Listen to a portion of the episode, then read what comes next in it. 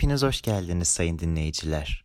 UPÖ'ün Turuncu Dünyası'nın çıkardığı Plasebo dergisi seslendirmelerinin ikinci bölümünde sizlerle beraberiz. Keyifli dinlemeler.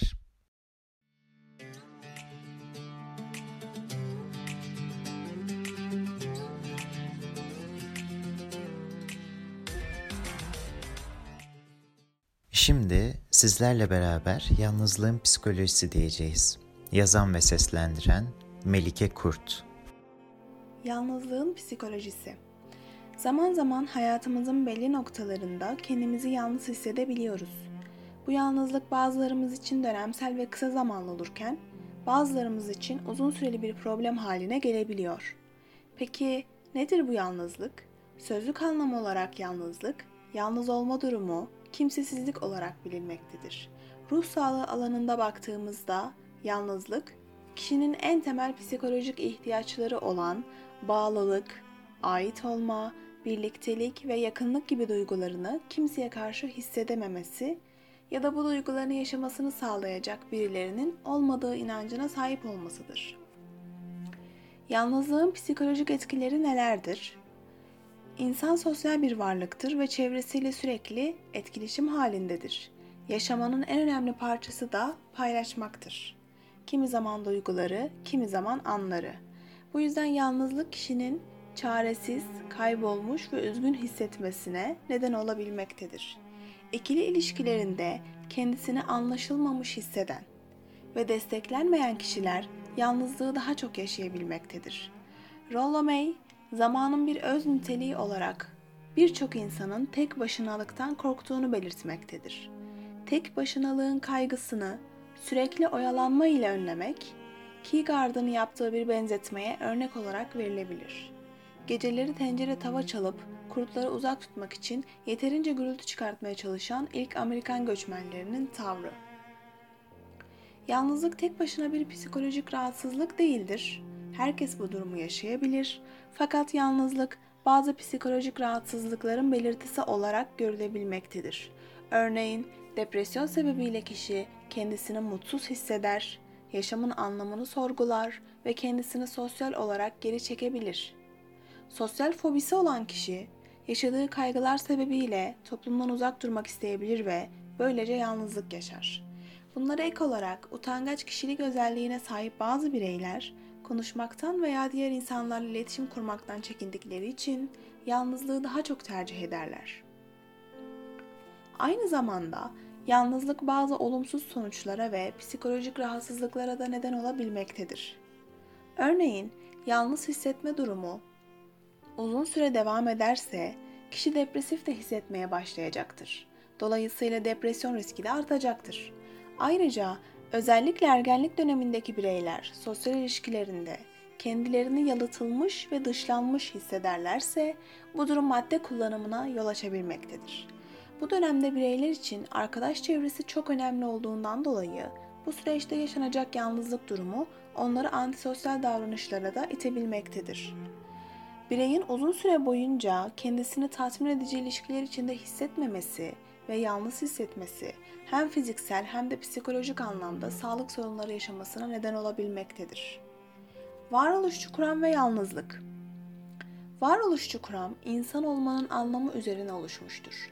Kendini dünyadan soyutlanmış, dışlanmış ve yalnız hisseden, bu yalnızlık sebebiyle kaygı duyan insanlar varoluşçuların odağındadır. Varoluşçu kurama göre sosyal dünyanın var olmasında insanların kullandığı iletişim dili en büyük faktördür. İletişim eksikliği yaşayan bireylerin kişisel gelişimini tamamlayamayacağı öngörülmektedir. Varoluşçu kuram, sosyal çevresiyle iletişimini kaybeden kişilerin ilk olarak topluma yabancılaşacağını, uzun bir süre sonra da diğer insanlara olan güveninin sarsılacağını ve bu güveni kaybedeceğini savunmaktadır. Fakat varoluşçu kuram, yalnızlık olgusuna tamamen olumsuz bakmamakta ve insana ait koşulların bir bölümünün de yalnızlığın yaşanması olduğunu varsaymaktadır. Tek başına olma ve ayrılma durumunun farkında olmak bizi özgürlük ve sorumluluk kaygılarıyla yüz yüze getirse de kimi zaman kendimize dönmek ve ayrılık duygusunu yaşamak güç elde edebilmemizi de sağlamaktadır. Varoluş olarak insan hem yalnız hem de bağımlıdır düşüncesinde bir paradoks bulunsa da bu durum insanın içinde bulunduğu konumu açıklar ve bu konumun düzeltilmesi gerektiğini düşünmek yanlıştır. Yalnızlık herkes için aynı etkileri yaratır mı? Elbette hayır. Doğumumuzdan itibaren her birimiz farklı kalıtsal özelliklere ve genetik mirasa sahibiz. Ayrıca yaşamış olduğumuz çevre ve ailesel faktörleri de düşündüğümüzde yalnızlığın değişkenlik gösterebileceğini söylemek mümkündür. Bir durumun algılanış biçimi kişiden kişiye göre değişmektedir. Dolayısıyla yalnızlık olgusunun insanlar üzerinde yarattığı etki de farklılaşmaktadır. Yalnızlık kişinin onu nasıl yaşadığına ve kabul ettiğine bağlı olarak değişmektedir. Kişinin fiziksel ve ruhsal olarak iyi oluşu, benlik algısı, onun yalnızlıktan etkilenme biçimini ve düzeyini belirlemektedir. Kişiler arası iletişimin yetersiz olması, yakın ilişkilerde problemlerin sürekliliği, sosyal desteğin az olması, insanlarla duygusal bağ kurmakta zorluklar yaşamak, ikili ilişkiler içerisinde terk edilmek, yalnızlığı etkileyen faktörler arasındadır. Yalnızlık durumunun kişilik gelişimine etkileri nelerdir? Tek başına olma isteği ve kişinin kendisine zaman ayırması duyguların olumlu gelişmesine katkı sağlamaktadır. Kişinin tek başına olması rahatsız edici bir durum olmadığında sonuç olarak yalnız hissetmediği gibi o andan zevk alarak doyum da sağlayabilir. Böylece içsel anlamda kendisini huzurlu hissederken zamanını da verimli bir şekilde değerlendirebilir. Kişinin kahve kokusu eşliğinde kitap okuması, güzel bir müzik eşliğinde dans etmesi, gözlerini kapatıp kendisiyle baş başa kalarak hayal kurması gibi şeyler tek başınalığın muazzam parçalarıdır. Bu noktada şunları söylemek mümkündür. Kendimiz ve duygularımızı kabul etmeli, kendimizle içsel anlamda konuşabilmeli, kendimizi dinlemeyi öğrenmeli ve kendimizi her şeyimizle sevmeliyiz. Yazısı ve seslendirmesi için Melike Kurt arkadaşımıza teşekkür ediyoruz. Sıradaki yazımız Kadına Yönelik Şiddet. Dilay Güneş ve Abdülselam Gülşen birlikte yazdı. Yunus Emre Duman seslendiriyor. Buyurunuz. Şiddet en kısa tabiriyle sahip olunan gücün bir başkasına fiziksel veya ruhsal açıdan zarar verme amacıyla kullanılmasıdır. Şiddet eylemlerinin insanlığın bilinen tarihi boyunca farklı şekillerde ve farklı grup veya bireylere uygulandığı tarihsel bir gerçektir. Bu eylemler geçmişten bugüne dek organize bir şekilde veya plansız olarak anlık tepkilerle gerçekleştirilmiştir. Modern toplumlarda şiddet mutlaka önlenmesi gereken ve suç teşkil eden toplumsal huzuru ve işleyişi bozma potansiyeli olan ciddi bir sorundur. Şiddetin oluşumu, gelişimi ve ortaya çıkma sebepleri başlı başına psikolojik olarak incelenmesi gereken bir süreçtir.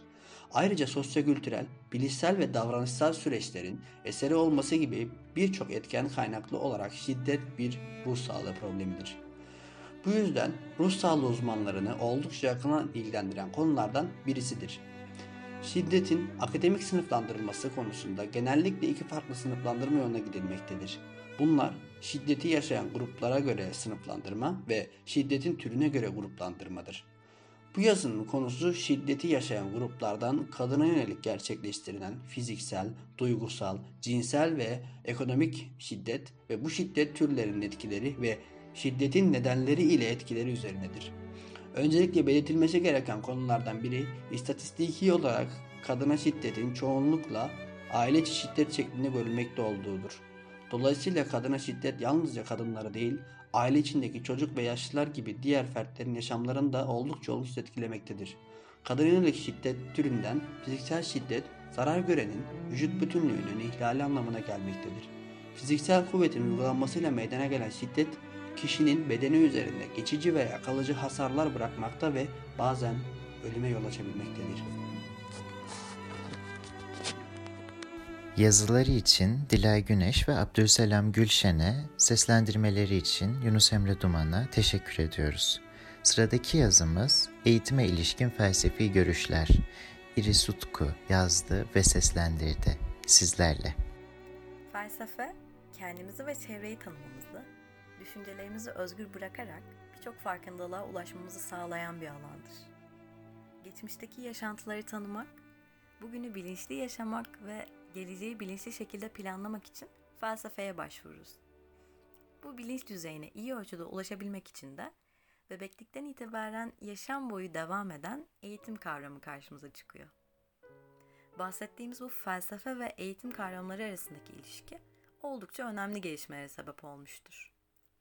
Eğitim, filozofların düşünceleri doğrultusunda oluşturulur ve benimsenen felsefi ekole göre şekillenerek felsefenin aydınlattığı yolda toplumu gelecekte medeni ve uygar günleri taşıyacak planlı etkinlikler sunar. Eğitim yolunda yaşamımızın ilk yıllarında çoğunlukla elimizden tutan kişiler aile üyelerimiz olmuştur. Fakat e, yaşamımızın sonraki yıllarında hayatımıza dahil olan okulla beraber öğretmenlerimiz de bu süreçteki en önemli etkilerden biri olmuştur. Psikolojik danışmanlık yolunda ilerleyen ve e, bu podcast'i dinleyen güzel insanlar elbette ki bize de çok önemli görevler düşüyor. Zihnimizde bol bol felsefeye yer ayırarak ufkumuzu her zaman bir adım öteye taşımak, beraberimizde gelen bireylere ışık olacaktır. Yollarını aydınlattığımız her birey gelecek nesle örnek olacaktır. Bu sayede bireyler gelişerek toplumun gelişimine de sebep olmuş olacaklardır. Psikolojik danışmanlar, öğretmenler, anneler ve babalar. Sorumluluklarımız doğrultusunda aldığımız isimler ne olursa olsun, öğrencilerin kalplerine dokunacak tüm etkilere sesleniyorum. Gerçekliğe, bilgiye, insan doğasına ve topluma yönelik kavramlar üzerine düşünmeye başladığımızda felsefe yapmaya ve gelişimsel farkındalığa sebep olmaya başladık demektir. Şimdi gelin felsefi görüşler bağlamında ortaya çıkan eğitim odaklı ekollere göz atalım. Gerçekliğin ruha ve düşünceye dayandırıldığı idealizmde bilginin temelinin zihinde var olduğu ancak bu bilgilerin belli bir eğitimle bilince çıkarıldığı öne sürülmüştür. Sorulan sorularla bireye daha önce kazanmış olduğu kavramları hatırlatıp doğru bilgiyi keşfederek öğrenmesi hedeflenir. Duyularımız yoluyla fikir sahibi olduğumuz şeylerin gerçeklik olmadığını, ancak gerçekliğin tamamlanmamış kopyası veya gölgesi olabileceğini savunmuşlardır. İşte daimice eğitim görüşü tam bu noktada temellenmiştir. Bu eğitim görüşünde amaç, öğrencileri doğruyu aramaya teşvik etmektir. Toplumsal ve kültürel değerleri gelecek nesillere aktarmayı hedeflemişlerdir. Burada üzerinde durdukları bir diğer nokta zamanın tecrübesinden çıkarılan derslerin öğütlenmesi olmuştur. Ahlak ilkelerinin ve insan doğasının değişemeyeceğini düşündükleri için her bireye aynı programı sunarak tek tip öğrenci yetişmesine sebep olmuşlardır. Ayrıca eğitim görecek kişiler yalnızca akıllı, üstün zekalı ve seçkin kişiler olmuşlardır. Değerlendirecek olursam, evrende sürekli bir değişim ve bu değişimlere bağlı gelişim söz konusu olduğu yatsınamaz bir gerçektir. Hal böyleyken zaman ve şartlar doğrultusunda değişim göstermeksizin aynı programa bağlı kalınması gelişimi yavaşlatmıştır. Belli noktalarda uzmanlaşmalar gerçekleşmediği için bilgiye ulaşma süremiz de uzamıştır. Temel tecrübe kazanımları elbette belli noktalarda işlevsellik göstermiştir. Fakat bireylerin benzer görünen tercihlerinin farklı zaman, mekan ve kişilere bağlı olarak geliştiği ve herkesin hayatında aynı sonuçlara sebep olmayacağı gözden kaçmamalıdır. Bu yüzden tecrübelerin eğitim hayatındaki keskinliği sorgulanması gereken bir durumdur. Ayrıca her bireyin zekasının farklı alanlarda yoğunlaştığı gerçeği göz önüne alınarak program hazırlanması gerekmektedir. Biz insanların bilmesi gereken evrensel bilgi ve değerler vardır. Fakat herkesin ilgi alanı ve zekasına elverişli bir eğitim programının hazırlanması eğitim ve öğrenme aşkını körükleyerek öğrenilen bilgilere işlevsellik katacaktır. Herkes yetenek ve ilgileri doğrultusunda çalışarak potansiyelini ortaya koyduğunda toplum olarak da uzun yollar kat edeceğimizi düşünüyorum. İşte bu noktada varoluşçu eğitim modeli de kendinden bahsettirmiştir. Varoluşçu eğitim modelinde amaç bireysel gelişime daha fazla imkan sağlayıp kişiye göre bir eğitim programı oluşturmaktır bireyin yaptığı tercihler kendisine bırakılmıştır. Bu sayede birey sorumluluk bilinci kazanarak ve deneyimleyerek öğrenmeyi sağlayacaktır. Bu gibi yönlerden benzerlik gösteren bir diğer eğitim modeli naturalizme bağlı ortaya çıkmıştır. Naturalizm ile ihtiyaç merkezli esnek programlar geliştirilmesi, kişinin potansiyelinin ortaya çıkması yönünde atılan önemli adımlardan biri olmuştur. Öğretmen bir rehber olarak görevlendirilmiş ve öğrenciyle birlikte öğrenime katılması sağlanmıştır. Bu şekilde öğrenciye özgür, cesaretlendirici ve özgüven kazanacağı bir eğitim ortamı sunulması şüphesiz öğrencinin öğrenme sürecini olumlu yönde güdülemiştir. Tam şu an yaptığımız gibi bir şeyleri sorgulama ve inceleme ile felsefe yapmanın bizi bir sonraki aşamaya hazırladığını ve gelişmemizde büyük rol oynadığını düşünüyorum. Felsefenin hep hayatınızda olması dileğiyle. Yazıları ve seslendirmeleri için İri Sutku arkadaşımıza teşekkür ediyoruz. Sıradaki yazımız Geleneksel Örgün Eğitim, Uzaktan Çevrimçi Eğitim. Mehmet Akif Albayrak yazdığı Volkan Göksu sizler için seslendiriyor. Geleneksel örgün eğitime karşı uzaktan çevrimçi eğitim. Çağın ilerlemesi, teknolojinin gelişmesiyle birlikte her alanda olduğu gibi eğitim alanlarında değişimler göze çarpmaktadır. Bu değişimlerin bazı yönleri öğrenciler için olumsuz sonuçlar doğururken bazı yönleriyle ciddi avantajlar sağlamaktadır. Peki bu değişimler gerekli midir? O bilindik geleneksel eğitim sistemleri yerin tamamen çevrimçi eğitim sistemleri alabilir mi? Geleneksel örgün eğitim ile uzaktan çevrimçi eğitim hangi yönleriyle ön plana çıkıyor? Çağdaş eğitim anlayışı bu iki alanda kapsar mı? Bu soruların cevabını almak için geleneksel eğitim ve çevrimçi eğitimin kapsamlı karşılaştırması yapıldı. Böylelikle geniş bir çerçeveden bakılarak hangi durumlarda hangi eğitim şeklinin kullanılacağı ortaya konuldu. Geleneksel örgün eğitimli ortam Geleneksel eğitimli ortam daha çok fizikseldir, değişken değildir. Okul, sınıf ortamına ihtiyaç vardır. Ortam sağlanamadığı takdirde eğitim gerçekleşmez. Uzaktan çevrim içi eğitimde ortam. Ortam değişken olabilir. İnternet ile birlikte telefon, tablet, bilgisayar gibi araçlar olduğu sürece çevrim içi eğitim için ortam yaratılmış olur. Geleneksel örgün eğitimle sosyal entegrasyon. Kişinin sosyal etkileşimi yüksektir. Sosyal ortam birey için aynı zamanda eğitim kaynağıdır. Sosyal etkinliklere katılım sağlanarak iletişim becerileri arttırılabilir. Kişi çoğunlukla eğitim sırasında kendisini yalnız hissetmez. Uzaktan çevrim içi eğitim ve sosyal entegrasyon. Kişinin çevrim içi derslerde sosyal etkileşimi sınırlıdır. Eğer sadece ders videosu izleniyorsa kişi sosyal ortamdan kendini izole hissedebilir. Ders öncesi veya sonrası sosyal etkileşimlerden mahrum kalabilir. Geleneksel örgün eğitimde zaman. Eğitim ortamına gitmek, ders saatleri için beklemek ve benzeri nedenlerden dolayı fazlasıyla zaman alıcıdır. Uzaktan çevrim içi eğitimde zaman. Daha az zaman harcanarak bilgiye daha az ulaşılır. Çevrim içi eğitim çok da zaman tasarrufu sağlar. Geleneksel örgün eğitimde esneklik. Esneklik bulunmaz. Zaman, mekan, plan, program ve benzeri bellidir. Kuralları çok daha net ve keskindir. Bu kurallara uyulması şartıyla yüz yüze eğitim verilebilir. Uzaktan çevrim içi eğitimde esneklik. İstenilen programda, zamanda, mekanda ve benzeri gibi birçok alanda esneklik sağlanabilir. Belli net çizgileri pek yoktur. Öğrenme isteğine göre kişinin eğitimi şekil alır.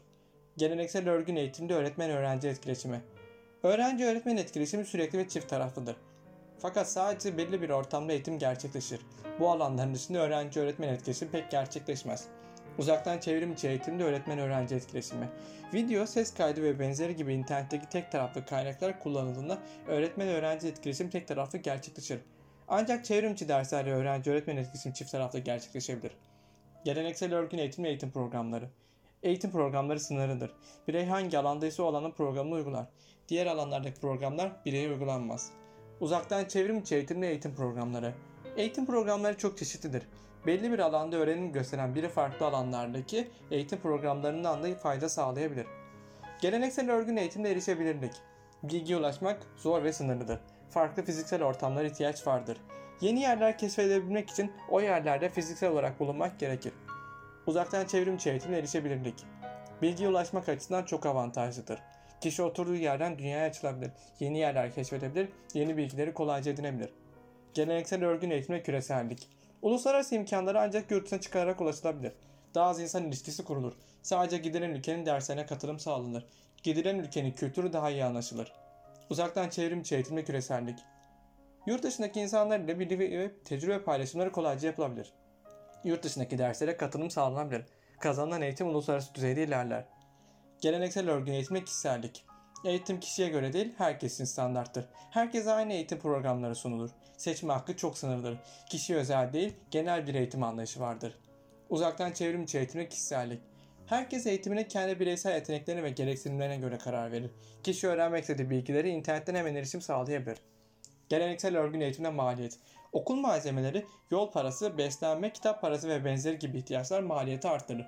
Bazen fiziksel ortamlarda ücret ödenir. Uzaktan çevrim içi eğitimle maliyet. İnternetin yanında bilgisayar, tablet veya telefon gibi araçlar gereklidir. Bunların maliyeti ülkemizde yüksektir. Herkes temin edemeyebilir. Bazı çevrimçi dersler ücretlidir. Geleneksel örgün eğitime tekrar edilebilirlik. Tekrar edilebilirlik genel anlamıyla daha zordur. Tekrar o fiziksel ortam için olmak gerekir. Kişinin sonsuz tekrar hakkı yoktur. Tekrar öğretmek öğretmenin isteğine de bağlıdır. Uzaktan çevrimçi eğitimde tekrar edilebilirlik. Çevrimçi eğitimde dersler kayıt altına alındığı takdirde dersler kolayca tekrar edilebilir. Anlaşılmayan yerler geriye sarılıp tekrar oynatılabilir. Genel anlamıyla ders tekrarı daha kolaydır. Geleneksel örgün eğitim uygulama. Geleneksel eğitim uygulama pek yer almasa da uygulama dersler vardır. Bu derslerde öğrenciler teorik ders uygulayarak öğrenmenin temel gereksinimlerinden birini yerine getirmiş olurlar. Uzaktan çevrim içi eğitim uygulama. Kişinin çalışacağı alan konusunda pratik yapması zor olabilir. Özellikle uygulama ve staj gerektiren derslerde çevrim içi etkisini kaybeder. Yaşayarak öğrenme etkisi çok azalır. Geleneksel örgün eğitimde teknik uzmanlık. Teknik konuları öğretmenlerin uyması yeterlidir. Öğretmen merkezli bir eğitim anlayışı olduğu için öğretmen teknik konularda öğrencileri bilgilendirir. Uzaktan çevrim içi teknik uzmanlık. Teknolojik gelişmelere ayak uydurmak zorundur. Kişi teknik altyapıyı bilmediği için çevrim içi eğitim kendisi için zorlaşır. Geleneksel örgün eğitimle denetleme. Sınavlar gözetmenler tarafından denetlenir. Kişinin kopyaya başvurması daha zordur. Denetim gücü daha kuvvetlidir. Adil bir, adil bir eğitim ortaya konur. Uzaktan çevrim içi eğitimle denetleme. Çevrim içi sınavların denetlenmesi zordur. Kişiler sınav esnasında kopyaya başvurabilir. Bir gözetmen olmadığı için sınavlar çoğunlukla denetlenemez. Geleneksel örgün eğitimle değerlendirme. Değerlendirme ve geri dönüş çok zaman alıcı olabilir. Bu zaman öğretmene bağlıdır. Kişiler anlık olarak değil, belli bir zaman sonra geri dönüt alırlar. Uzaktan çevrim içi eğitimle değerlendirme. Değerlendirme ve geri dönüt daha hızlı gerçekleşir. Değerlendirme yapay zeka sayesinde çok daha kolaylaşır. Kişi anlık olarak geri dönüt alabilir. Bu karşılaştırmada uzaktan çevrim içi eğitim daha avantajlı gibi gözükse de aslında tam olarak avantajlıdır diyemeyiz. Çünkü geleneksel eğitimde eğitim ortamının içinde bulunulması öğrenmenin temelindeki yaşayarak öğrenme anlayışına daha yakındır. Çevrimçi eğitimde sosyal bir anlayışı olmadığı için bireyi yalnızlaştırabilir. Bu nedenle bu iki eğitim anlayışının birleştirilmiş hali olan çağdaş eğitim anlayışı eğitim için en idealdir. Çağdaş eğitim bireyin bedensel, bilişsel ve duysal yapılarıyla bütün olarak ele alınıp her alanda dengeli bir şekilde eğitilmesidir. Özellikle bu denge sağlandığında eğitim alan kişiler hem kendilerini yalnız hissetmeyecek hem de çevrimçi eğitimin tüm avantajlarını kullanacaktır. Yazıları için Mehmet Akif Albayrak arkadaşımıza, seslendirmeleri için Volkan Göks arkadaşımıza teşekkür ediyoruz. Sıradaki yazımız ırkçılığın psikolojisine kuramsal bakış. Ahmet Çetiner sizler için yazdı ve sizler için seslendiriyor.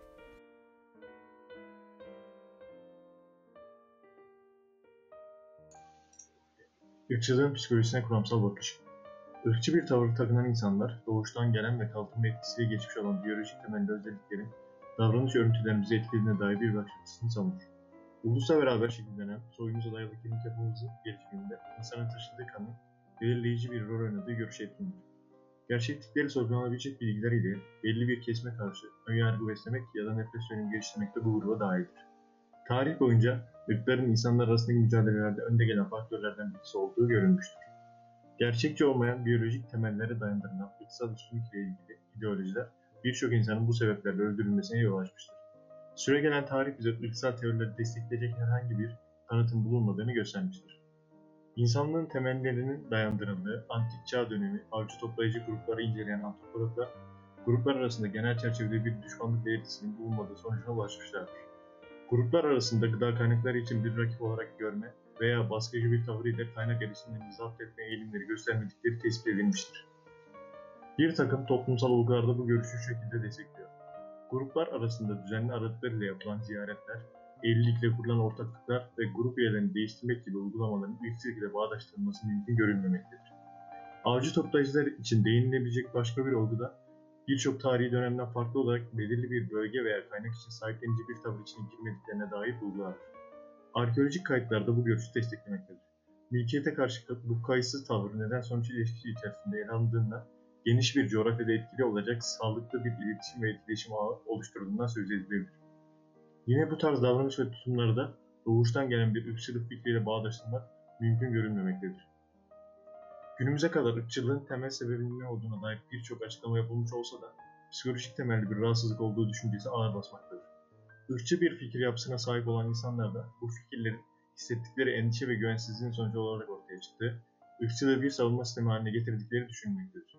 Bu sürece dair en sistemli açıklamaların başında dehşet yönetim kuramı gelmektedir. Buna göre insanlara ölümlü olma durumlarına dair bir uyaran verilmesi halinde kaygılı ve güvensiz bir ruh haline bürünürler ve bu duruma Irakçı savunmanın parçaları olan dünya görüşleri ve benlik saygısına çabalar geliştirerek cevap vermeye çalışırlar. Sonrasında önyargılar dayalı ve saldırgan bir tavır takmaya başladıkları gözlenir. Sürecin devamında savunma mekanizmalarının devrede olmasıyla birlikte kendilerini kültürel kalıplara daha fazla uyum sağlama ve ulusal ve etnik gruplar içinde tanımlama çabasına girdikleri gözlenir. Dehşet yönetimi kuramı, düşüncelerin ölüme göre şekillendiğini, kişilerin ırkçılığı ölüm karşısında önemini arttırma isteği ve yaşam içinde bir değer edinmeye yönelik bir güvenli nokta olarak görüp belli bir kesme yönelik ait kazanma isteği olarak değerlendirilir. Irkçılığı genel anlamda bir yetersizlik ve huzursuzluk durumunun karşılığı olarak nitelendirir. Kuram, ırkçılığın belirli süreçlerden sonra keskinleştiği ve bunun 5 kademeli bir döngüyle gerçekleştiği görüşündedir. İlk aşama, genel çerçevede bahsedilen eksiklik ve güvensizlik hissinin doğurduğu bir gruba ait olma sürecidir. Bunun sebepleri arasında kişilerin fikirlerine ortaklık edebilecekleri, bu sayede bireysel olarak sahip oldukları gücün ötesine geçebilecekleri bir gruba dahil olmaları ve akabinde gelen kendilerini daha önemli, değerli ve bütün hissetmeleri düşüncesi sayılabilir. İlk süreç, ikinci aşamaya geçmediği sürece güzel bir ortaklık doğurur. Ortak bir hedefe yönelik, kişiyle yakın fikirlere sahip bir kitle hususal açıdan çoğu sağlıklı bir oluşum olarak görülür. İkinci aşamada diğer gruplara karşı düşmanca tavırlar görülmeye başlanır. Grubun güç isteği diğer gruplar üzerinden elde edilmeye çalışılır. Bu istek ve tavırlar grup üyelerinin kendi işlerinde güçlü bir bağ kurmasına aracılık edebilir. Grup bu durumu benimseyerek ötekileştirme ve çatışmaya açık, daha açık duruma gelir. Üçüncü aşamada grup bağlılığı nedeniyle diğer gruplara yönelik empatinin ortadan kalktığı, devamında sevgi ve ilginin sadece grup içerisinde paylaşıldığı görülür. Üyeler arasında sıkı sıkıya bir sevgi ve ilgi gözlenirken diğer gruplara yönelik nefret ve acımasızlık gelişir. Dördüncü aşamada bireysellik grup içinde önemli kaybeder, tekelleşme süreci görülür. Bireysel kişiliklerin ve fikirlerin yerine grubun sahip olduğu genel yargılar ve varsayımlar önem kazanır. Beşinci ve son aşamada ırkçılık en tehlikeli haline alır. Gruba mensup kişiler kendilerine yönetilen suçlamaları, psikolojik rahatsızlık etiketlerini veya başarısızlık durumlarını inkar ederek diğer grup üyelerine eylemleri ve fikirleri sebebiyle suçlu gözüyle bakabilir. Bununla beraber fiili saldırılar görülebilir. Bu noktada ırkçılığa dayalı ideolojik grup liderlerinin ruhsal sağlığı daha fazla önem arz etmektedir. Narsistik ve paranoid kişilik bozukluğuna sahip insanların ırkçılığa daha açık oldukları ifade edilebilir. Bazı grup üyelerinin geliştirdiği varsayımlar ve gerçekliği, gerçekliği şüpheli bilgiler ile grubun ana fikrini ve eğilimlerini yönlendirmeye çalıştıkları gözlenebilir. gözlemlenebilir. Dolayısıyla psikolojik olarak kusurlu olma halinin durum hayatlarının artmasına sebep olduğu söylenebilir. Psikolojik olarak bir dengesizlik halinde olmak, güçlü olmayan benlik saygısı veya içsel huzurun eksikliği, ırkçı düşünce yapısının temel nedenleri arasında sıralanır. Sağlıklı bir psikoloji, güçlü bir benlik saygısı ve iç huzur sağlayan bireylerde ırkçılık gözlenmez. Bireysel varlığını bir gruba bağlamayan, güçlü hissedebilmek için bir gruba aidiyet hissetmeye ihtiyaç duymayan, dahil olduğu grubun fikrini önemserken farklı fikir ve hedeflere yönelik empati geliştiren kişiler yine ırkçı bir eğilim içine girmeyecektir. Yazıları ve seslendirmeleri için Ahmet Çetiner arkadaşımıza teşekkür ediyoruz. Sıradaki yazımız Hikmet Benol. Enes Aydın yazdı ve Ayşe Demir sizler için seslendiriyor. Şimdiye kadar gördüğünüz karakterleri unutun. Ve Hikmet'in oyunlarda yaşadığı hayata kulak verin. Hiç düşüncelerinizde boğuldunuz mu? Hikmet'in çıktığı bu yolda düşüncelerinde hatta kendi hayallerinde bile dalgalar dinmeyecek. Hayatın gerçeğini aramanın tehlikeli olduğu yollarda oyunlar kurup oynayan birisi düşünün. Kararlı olduğu tek şeyin kararsız olduğu olan Hikmet, kararsızlığında öyle başarılı ki, Hikmet bir tane değil, kayda geçen, geçmeyen sayısızca hikmet var. Hikmet 1, Hikmet 3, Hikmet 4. Hikmetler birbirini yerine geçip kimi zaman birbirlerinden nefret ediyorlar. Hikmetin kurmuş olduğu oyunlar zamanla gerçek hayatının çizgileriyle ayrılmaz bir bütün oluyor. Ne zaman Hikmet'in zihnindeyiz, ne zaman oyunlarda yaşıyoruz, inanın biz de bilmiyoruz. Hikmet'in oyunlarından bahsetmişken Albay gerçekten var mıydı yoksa? Yoksa Hikmet'in oyunlarının bir parçası mıydı? Aklınıza gelecek diğer sorular gibi bu sorunun da kesin bir cevabı yok. Bu yolculukta kesinlikleri kafanızdan çıkartın. Hikmet üzerine kitaplar yazılabilecekken ben sizleri Hikmet ile sadece merhabalaştırdım. Tanışmak sizlere kalmış. Albay Hüsamettin Tamba'ya fakat Allah kahretsin. İnsan anlatmak istiyor. İnsan anlatmak istiyor albayım. Böyle budalaca bir özleme kapılıyor. Bir yandan da hiç konuşmak istemiyor. Tıpkı oyunlardaki gibi çelişik duyguların altında eziliyor. Fakat benim sevmeye hakkım yok mu albayım? Yok. Peki albayım. Ben de susarım o zaman. Gece kondumda oturup anlaşılmayı beklerim. Fakat albayım, adresimi bilmeden beni nasıl bulup anlayacaklar? Sorarım size. Nasıl? Kim bilecek benim insanlardan kaçtığımı? Ben ölmek istiyorum sayın albayım. Ölmek. Bir yandan da göz ucuyla ölümümün nasıl karşılanacağını seyretmek istiyorum. Tehlikeli oyunlar oynamak istiyor bu insan. Bir yandan da kılına zarar gelsin istemiyor. Küçük oyunlar istemiyorum albayım.